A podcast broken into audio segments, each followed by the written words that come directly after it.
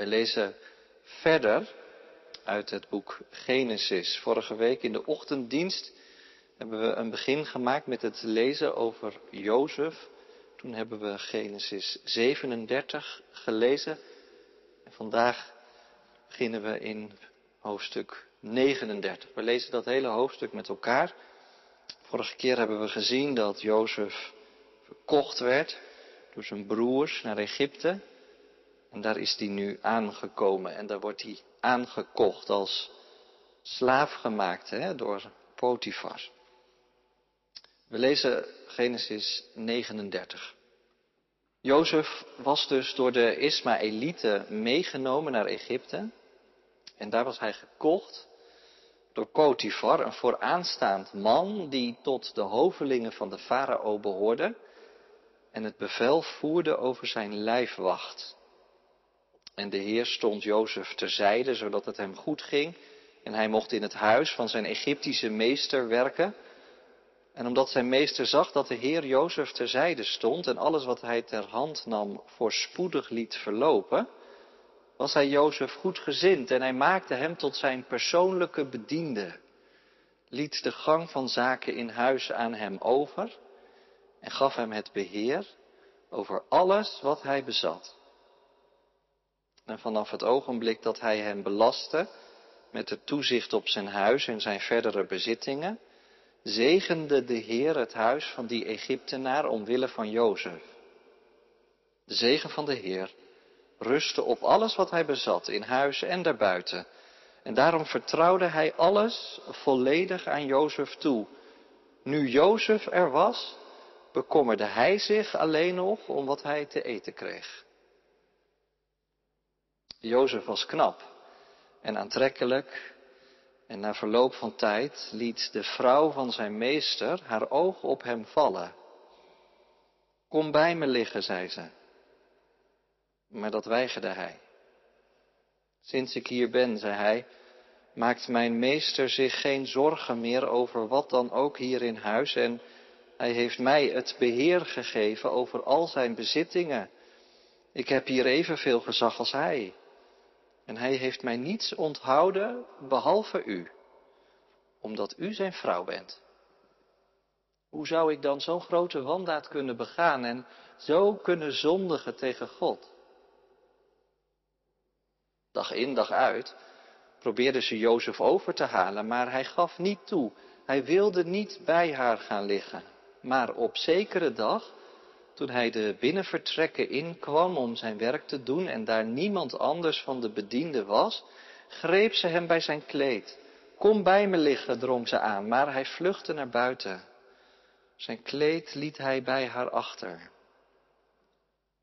Toen ze besefte dat hij gevlucht was en zijn kleed bij haar had gelaten, riep ze haar bediende en zei tegen hen, mooi is dat.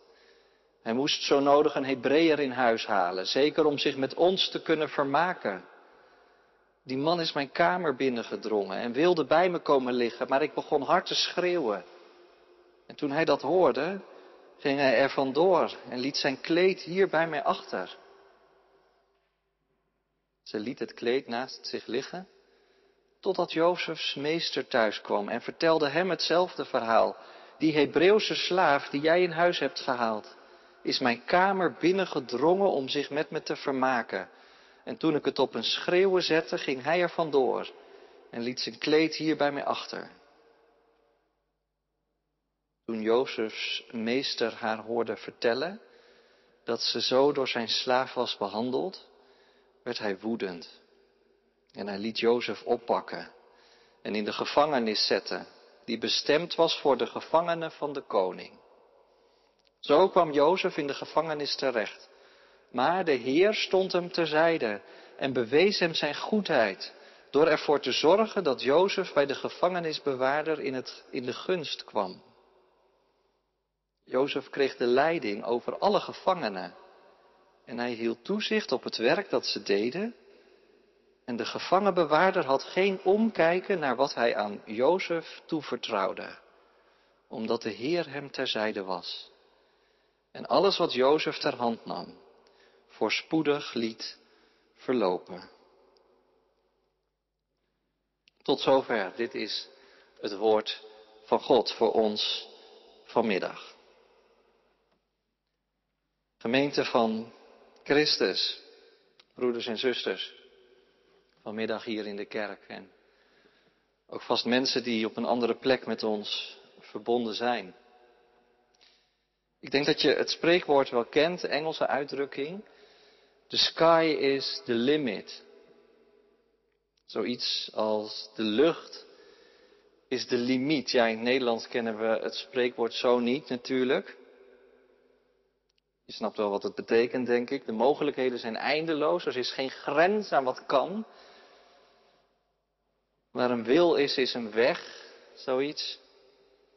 De hele wereld ligt aan je voeten. De ruimte kent geen geheimen. Alles is mogelijk. Eerder dit jaar verscheen een interessant essay in de maand van de filosofie. Dat ging over de ruimte. Wel interessant om te lezen wat er allemaal mogelijk is. Misschien heb je het ook wel gelezen. Wat is de ruimte waard, zo heet het. In de ruimte lonkt het nieuwe goud, staat er. Waar vroeger verre landschappen werden gekoloniseerd, daar zijn nu de planeten aan de beurt. Miljardairs lanceren de ene raket na de andere. Maar ten koste van wat? The sky is the limit. Er zijn geen grenzen. En misschien zeg je, ja, die ruimte, dat is toch echt een beetje een ver van mijn bedshow. Dat snap ik. Maar dat spreekwoord, dat zegt ook wel iets over een bepaald levensgevoel. En misschien herken je dat wel. In Amerika noemen ze het de Amerikaanse droom. Dat je, dat je zo ver kan komen als je wilt. Als je maar hard genoeg werkt. Ieder mens heeft de mogelijkheid om succesvol en gelukkig te zijn. Simpelweg door hard te werken, flink door te zetten, jezelf eindeloos toe te wijden, dan is alles mogelijk. Er is geen grens aan de groei. Ja, als je tenminste aan de goede kant van de macht verkeert natuurlijk. Want eerlijk is eerlijk, er zijn ook genoeg wereldburgers die aan deze droom helemaal niet toekomen. Voor hen is deze droom helemaal geen optie, want zij zijn in diezelfde wereld waar alles kan, zo gezegd, al lang tot slaaf gemaakt. Nou, dat brengt dan bij Jozef. Jozef, een meesterdromer, zo hebben we hem leren kennen twee hoofdstukken eerder. Maar hij is nu een slaaf, tot slaaf gemaakt in Egypte. Hij zat in de put en hij is er nu niet veel beter van afgekomen als die verkocht wordt op de slavenmarkt. Moet je kijken wat er van zijn dromen is terechtgekomen, zullen zijn broers spottend zeggen. Verkocht aan Egypte.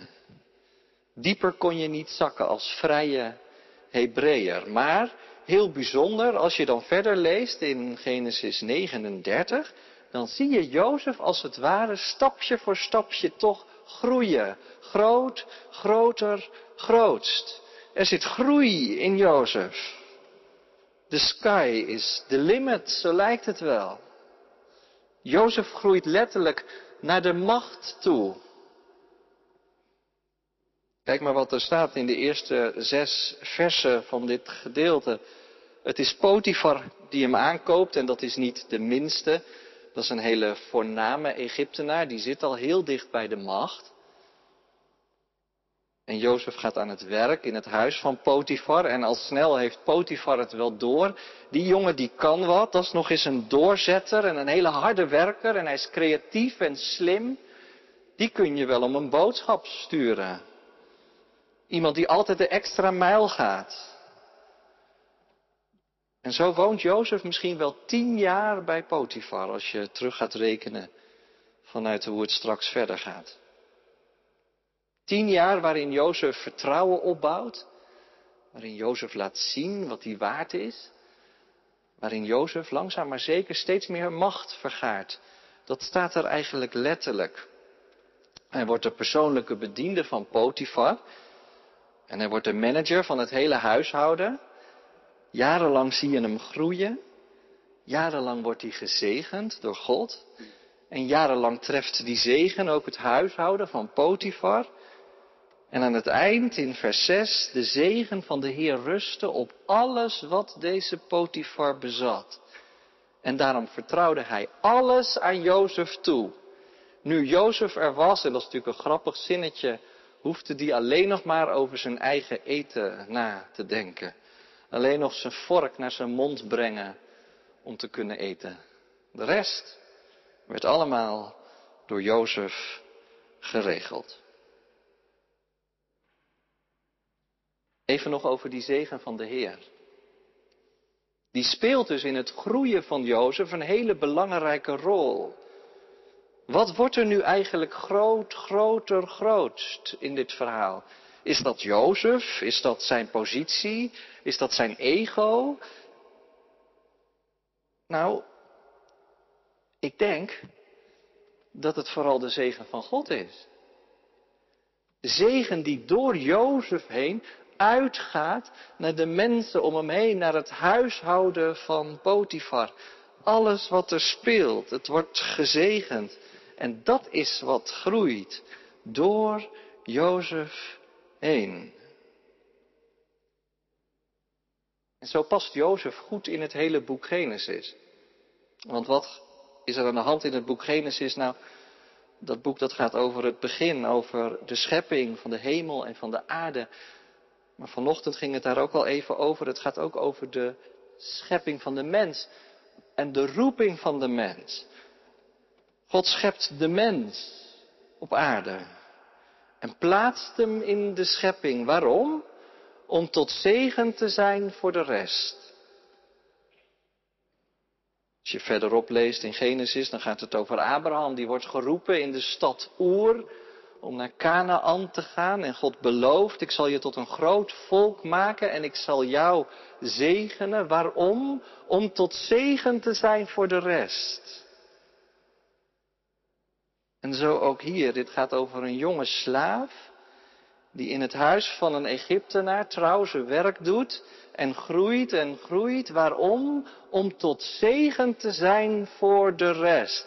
Dat is onze roeping als mens. Groeien om tot zegen te zijn.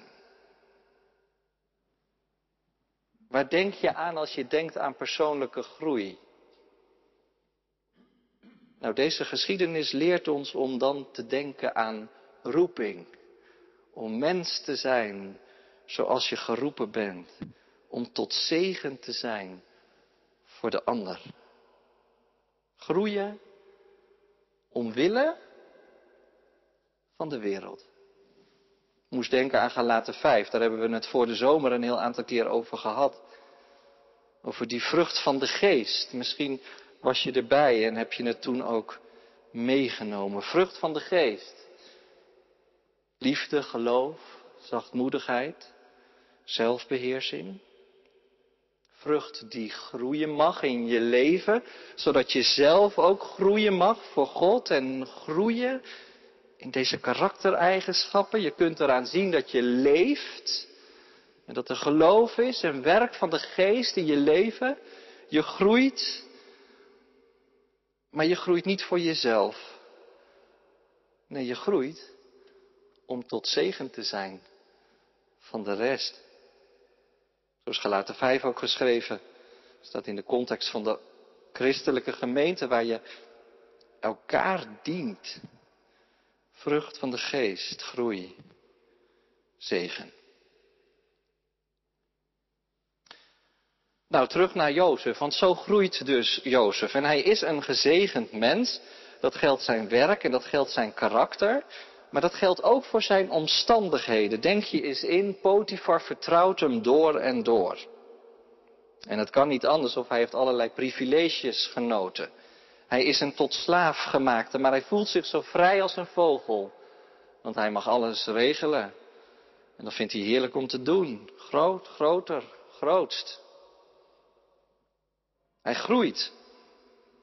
En ik dacht, zou het kunnen dat hij ook weer een beetje begint te dromen. Weer een beetje durft te dromen. Nadenkt over die dromen van toen, weet je nog? Over die zon en de maan en de sterren en ze bogen allemaal voor hem. En hij is nu zo dicht bij de macht. Zo dicht bij de macht van Egypte. Is het zover? Ik las ergens, hoe groot kan een mens worden en toch nog een mens blijven? Jozef groeit. Is er een grens aan zijn groei? Nou, die grens is er zeker. Want dit verhaal gaat niet alleen over groei, maar gaat ook over begrenzing. Wat is de grens voor Jozef in dat huishouden van Potifar? Nou, hij heeft macht over alles, maar hij mag niet groter worden dan Potifar zelf. Alles heeft Potifar aan Jozef toevertrouwd, maar één ding niet, zijn vrouw. En precies daar ontstaat dan de spanning in dit verhaal. Als blijkt dat de vrouw van Potifar wel interesse heeft in Jozef. Kom bij me liggen, zegt ze. Niemand die het merkt.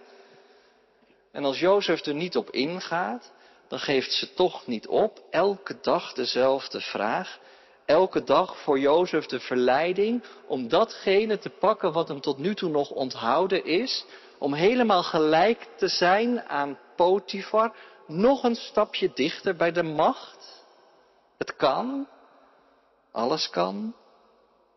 Maar het mag niet. Dus hier ligt de grens aan de groei van Jozef.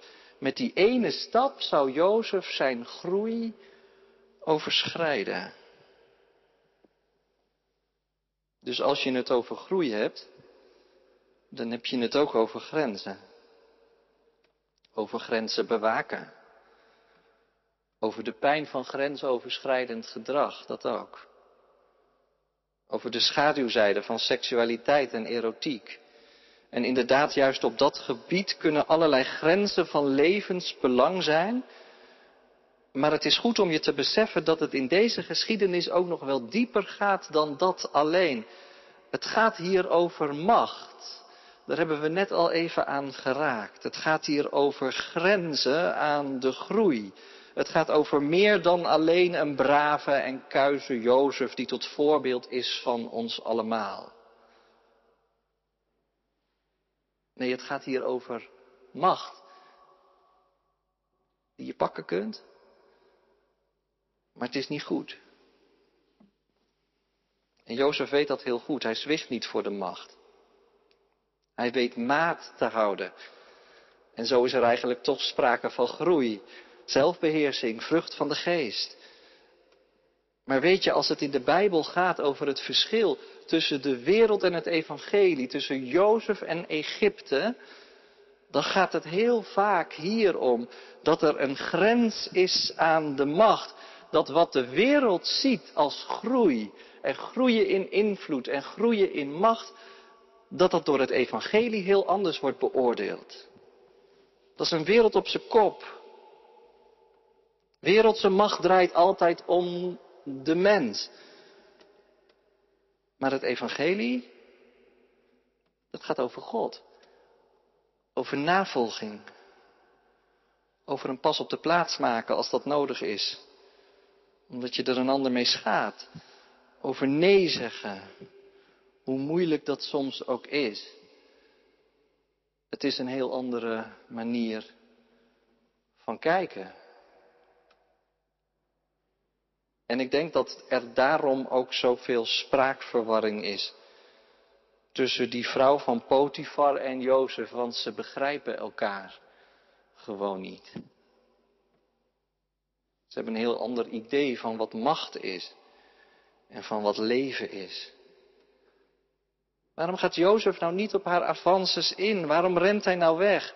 Trouwens, haar uitnodiging is helemaal geen uitnodiging, maar is een bevel als je het letterlijk leest.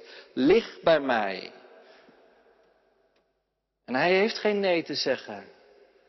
Want hij is een tot slaaf gemaakte en zij is de vrouw van zijn meester. Je moet het doen. En bovendien, ze kan zich niet voorstellen dat Jozef deze kans afslaat Want het is toch een kans op invloed, op nog meer macht dan hij al heeft. De macht over haar lichaam, maar over zoveel dingen meer. Contacten, hulp.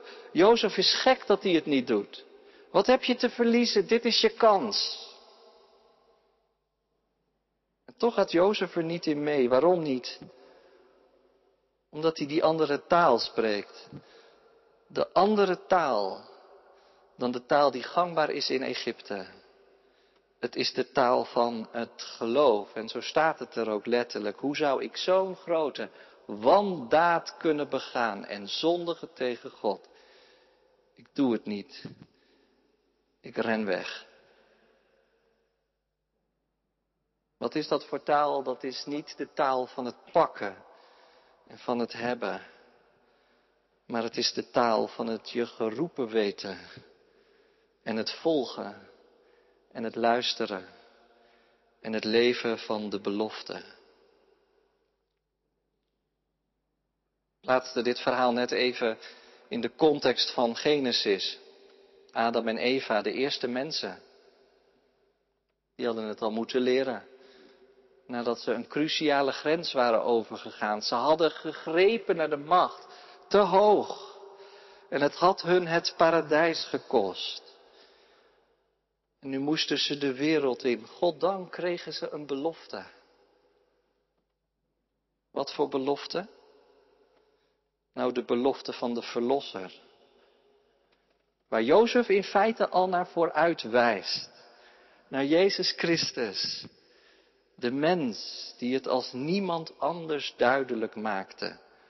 Dat er in Gods koninkrijk een andere taal gesproken wordt dan in de wereld. Zegt Jezus, Matthäus 20, jullie weten toch wel dat leiders hun macht misbruiken, maar dat gebeurt bij jullie dus niet. Bij jullie moet het zo zijn dat wie de belangrijkste wil zijn, de andere dient. Zoals de mensen zo niet gekomen is om gediend te worden, maar om te dienen. En zijn leven te geven als losgeld voor velen. Jozef lijkt op Jezus. Nou weet ik natuurlijk niet hoe jij al deze woorden hoort, want al onze levens zien er weer anders uit. En je begrijpt zo'n verhaal dus ook anders. Dat hangt helemaal van af in welke positie je bent, wat je allemaal hebt meegemaakt, ook dat. Weet niet welke rol macht en tegenmacht en verleiding en navolging speelt in je leven. Het zou zomaar kunnen dat er allerlei dingen door je hoofd heen gaan als het vanmiddag hierover gaat. Misschien ken je de verleiding van de macht van binnenuit, op welk vlak dan ook. Wordt er op je ingepraat om iets te doen waarvan je weet dat mag niet en dat kan niet? Wordt er aan je getrokken elke dag? Of voel je de verleiding om die macht te pakken die voor het grijpen ligt, maar je weet het is niet goed, want het is niet tot zegen voor mezelf niet en voor anderen niet. Of er zijn grenzen in je leven waar je tegenaan loopt, of waar je misschien wel af en toe overheen gaat. En je baalt ervan, maar het lukt je niet om nee te zeggen. Jozef is een voorbeeld. Maar lukt het? Navolging gaat niet vanzelf. laat me dit zeggen, soms is het echt een strijd. En daarom zoek hulp als het nodig is, echt. Geloof me. Het is goed. Je komt er beter uit. Is dat zo? Denk je? Moet je kijken hoe het afloopt met Jozef. Potifar had hem alles in handen gegeven en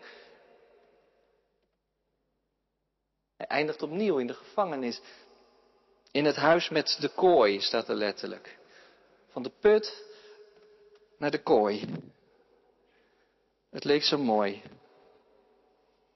Maar de vrouw van Potifar reageert furieus en het gedrag van Jozef is voor haar zo vreemd dat ze het niet kan uitstaan. En daarom keert zij alles om en beschuldigt Jozef nota bene van machtsmisbruik en van grensoverschrijdend gedrag. dat Jozef een bruut zou zijn die de vrouw van zijn baas wil aanranden. Omdat hij er geen genoeg van kan krijgen. Groot, groter, groot. Die Jozef, dat is nou echt een man van Egypte, van deze wereld geworden. En Potifar wordt woest. Dacht nog zo dat hij anders was, te vertrouwen. Maar nee, wat valt dat tegen? Pak hem op. En gooi hem in de gevangenis. Jozef terug bij af. Is het einde verhaal? Nou, het antwoord is eigenlijk ja en nee. Jazeker, naar de maatstaven van Egypte is dit een flinke stap terug. En is Jozef, om het zo te zeggen, van de apenrots naar beneden gevallen. Maar naar de maatstaven van God is er iets anders aan de hand. Is er eigenlijk wel degelijk sprake van groei. Heel anders dan de groei van de wereld. De groei in het koninkrijk van God. Snap je? Groei in de diepte. Verworteling zou je kunnen zeggen. Jozef heeft heel veel geleerd. En weet je wat zo bijzonder is? Daarom hebben we gewoon doorgelezen. Het hele hoofdstuk. Want als Jozef dan in de gevangenis is, dan gebeurt eigenlijk precies hetzelfde als wat er gebeurde aan het begin van hoofdstuk 39. Komt Jozef bij de gevangenbewaarder in de gunst. Waarom? Nou, vanwege zijn gedrag en zijn karakter. Dat kan niet anders. En Jozef krijgt de verantwoordelijkheid over alle gevangenen. En hij groeit alweer groot, groter. En alles wat hij ter hand neemt slaagt, staat er. Dus hetzelfde gebeurt als wat in het huis van Potifar gebeurde. Nu in de gevangenis. Hij groeit alweer. Wat is het geheim? Nou, dat is heel duidelijk. En dat lees je eigenlijk in het hele hoofdstuk. Aan het begin ook al hoor. In vers 2 en 3. En ook hier in vers 21 en 23. Wat is het geheim? Maar de Heere stond Jozef terzijde. Oh, daar gaat het om. Dat je je weg met God gaat. En dat God erbij is. Als het goed gaat, maar ook als het moeilijk is. De Heer staat hem terzijde. Vier keer staat het er. En als je het hele verhaal van Jozef leest, al die hoofdstukken, dan komt de naam Heere eigenlijk helemaal niet zo vaak voor. Maar hier, als het erom spant in zijn leven, vier keer. Dat is het geheim van een leven dat groeit. Dat de Heer je terzijde staat in goede en kwade dagen, in rijkdom en armoede. Is dat van levensbelang? Ik begon deze preek met de sky als the limit. Over de ruimte. De oneindige ruimte boven ons en om ons heen. En ik wil er ook mee eindigen, maar, maar dan met een andere ruimte. Niet de ruimte die te ontdekken valt met raketten en maanlanders, maar de ruimte van Christus. Wat is dat? Nou, dus de ruimte van de kerk, de ruimte daarbuiten, de wereld om Hem heen, waar leerlingen zijn die naar Hem luisteren en Hem willen volgen. De ruimte van Christus, Hij die ooit aan een kruis hing en alle wereldse macht had afgelegd. Kom van dat kruis af, hadden ze tegen hem geroepen, als je zoveel macht hebt. Maar hij deed het niet, want hij wist van grenzen. Maar juist door zich zo klein te maken, vergaarde hij alle macht. In de hemel en op de aarde. En helemaal aan het eind van het evangelie verschijnt deze Jezus Christus op een berg aan zijn leerlingen. En als ze hem zien, dan werpen ze zich in aanbidding voor hem neer. Doet het denken aan een of andere droom. En Jezus komt dichterbij.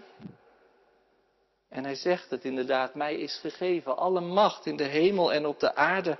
Ga daarom op weg En maak alle volken tot mijn leerlingen door hen te dopen in de naam van de Vader en de Zoon en de Heilige Geest.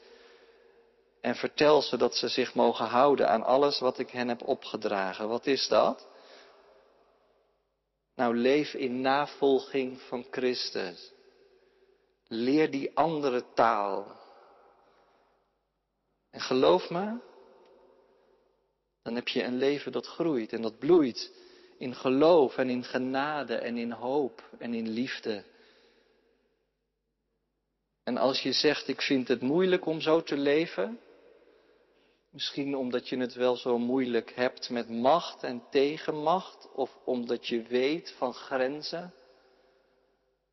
Als je het moeilijk vindt om zo te lezen, hoor dan wat Jezus zelf er nog aan toevoegt. En hou dit voor ogen. Vergeet dit nooit. Ik zelf sta je terzijde. Alle dagen tot aan de voltooiing van deze wereld. Dat verhaal van Jozef en de vrouw van Potifar ingeklemd tussen Gods nabijheid ervoor en erna.